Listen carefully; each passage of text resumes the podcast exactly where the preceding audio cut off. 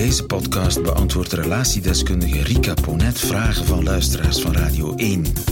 Vragen over familiale kwesties, relationele knopen, kapseizende huwelijken en krakende vriendschappen. Vraag het aan Rika.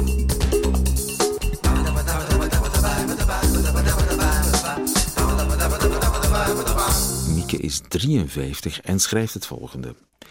Ik ben drie jaar geleden gescheiden en leerde recent een leuke man kennen via de sociale media. We hebben een heel intens contact, iets wat ik voorheen op deze manier nog nooit heb meegemaakt. Ik heb het gevoel dat het volledig goed zit en we kijken allebei uit naar wat volgt. Ik merk wel bij mezelf dat ik dingen die ik voorheen nooit deed, nu wel doe. En dat dingen die hij schrijft, die ik vroeger als eerder belachelijk of melig zou ervaren hebben, nu juist heel leuk vind.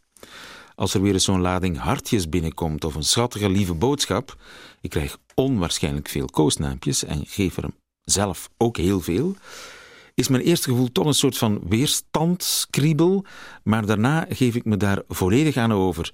Ik vind het eigenlijk ongelooflijk leuk en het doet iets met mij wat ik niet zo goed begrijp. Ik ben een hogeschoolde vrouw, ben overdag in de bankwereld actief, zit vergaderingen voor en dan, s'avonds of tussenin, stuur ik boodschappen als je bent mijn hartedief, ik mis mijn schatje of erger nog, zing ik stukjes liefdesliedjes in. Mieke toch. Verliefd zijn maakt gek, zegt men wel eens, maar is het dit nu? Hoe kan ik hier naar kijken? In vorige relaties had ik dit nooit. Soms denk ik dat ik een soort van puberteit doormaak. En dat vind ik ook een beetje beangstigend. Hij geeft aan dat bij hem iets gelijkaardigs gebeurt. Ja. Mieke, Mieke, Mieke. Ja, het kan. 53 en een bakvis. En een bakvis, ja. Hartjes sturen, Ja, liefdesliedjes inzingen. ja. Ze maakt zich zorgen. Terecht. Koortsnaampjes. Nee. Ehm, ik denk dat ik eigenlijk heel goed nieuws kan brengen. We weten dat als ehm, koppels in een startende relatie, maar ook in een duurzame relatie, eh, dat soort van babytaal, die koosnaampjes, want eigenlijk is het vaak bijna een vorm van een babytaal die je hanteert.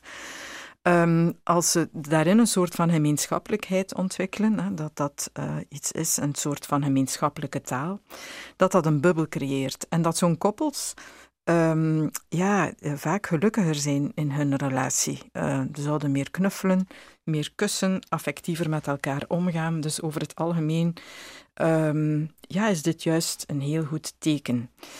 Eh, ik begrijp natuurlijk wel haar weerstand. als je twee Het is soorten 53. ja, en als je twee mensen in dat soort van taal bezig hoort, het is een beetje ergerlijk en enerverend. Ik zie haar zitten in haar mantelpakje in de, Ja. in de vergaderzaal bij de bank. En dan tussendoor. Ja, ik vermoed dat het ook haar weerstand is. Het feit dat ze zichzelf niet op die manier kent, het een beetje een moeilijk deel is om voor zichzelf geïntegreerd te krijgen.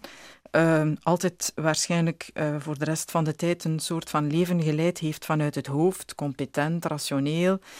En nu ineens, ja, zijn daar ehm, allemaal die heel emotionele eh, dingen ehm, ja, die haar het gevoel geven, ben ik, ja, maak ik mezelf niet belachelijk. Hè? Want ik denk dat het vooral dat is hè, eh, waar ze zich vragen rond stelt. Ja, het feit dat ze het nooit eerder zo gedaan heeft. Ja, nu, ik zie vaak als mensen zich in volwassen relaties niet op dat niveau durven begeven of niet connecteren op dat niveau, dat dat is omdat er ergens een gevoel van kwetsbaarheid is, een angst om zich belachelijk te maken, afgewezen te worden door de anderen, niet voor ernstig of intelligent door te gaan.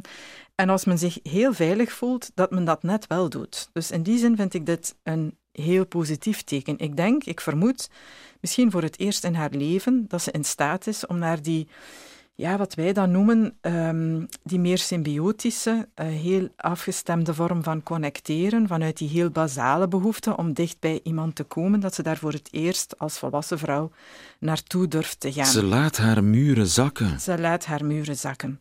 Het lijkt ook een beetje op wat, ehm, het soort connectie dat we hebben, en daar wordt al eens naar verwezen ook, ehm, met de allereerste relatie in ons leven, en dat is meestal met onze mama, met onze moeder. En dan zie je dat eh, ja, als een moeder afstemt op een kind, is dat een, ehm, ook altijd in dat soort van taal, verkleinwoordjes, ehm, lieve koosnaampjes, een bepaald soort van stemgeluid dat mensen gebruiken. Liedjes zingen, hè, uh, afstemmen op die manier. Um, en we gaan er toch vanuit dat we allemaal ook op volwassen leeftijd een stukje blijven zoeken naar het soort van veilig contact dat we daar ervaren. Eigenlijk is dat je eerste liefdesrelatie. Ja, absoluut. Met je moeder. En dat je dat nadien, ja, dat dat heel fijn is om dat te kunnen herhalen in een volwassen relatie. Je voelt je daar, ja, heel, je durft met al, helemaal zoals je bent, um, durf je naar buiten te komen, jezelf helemaal te tonen, geen angst om je belachelijk te maken. Um, hoe mooi uh, kan het zijn? Gefeliciteerd, Mieke. Ja, goed, goed bezig. Heeft u zelf een vraag voor Rika Ponet? Stuur ze dan naar nieuwefeiten.radio1.be. En wie weet hoort u het antwoord in een volgende podcast. Namen worden sowieso veranderd.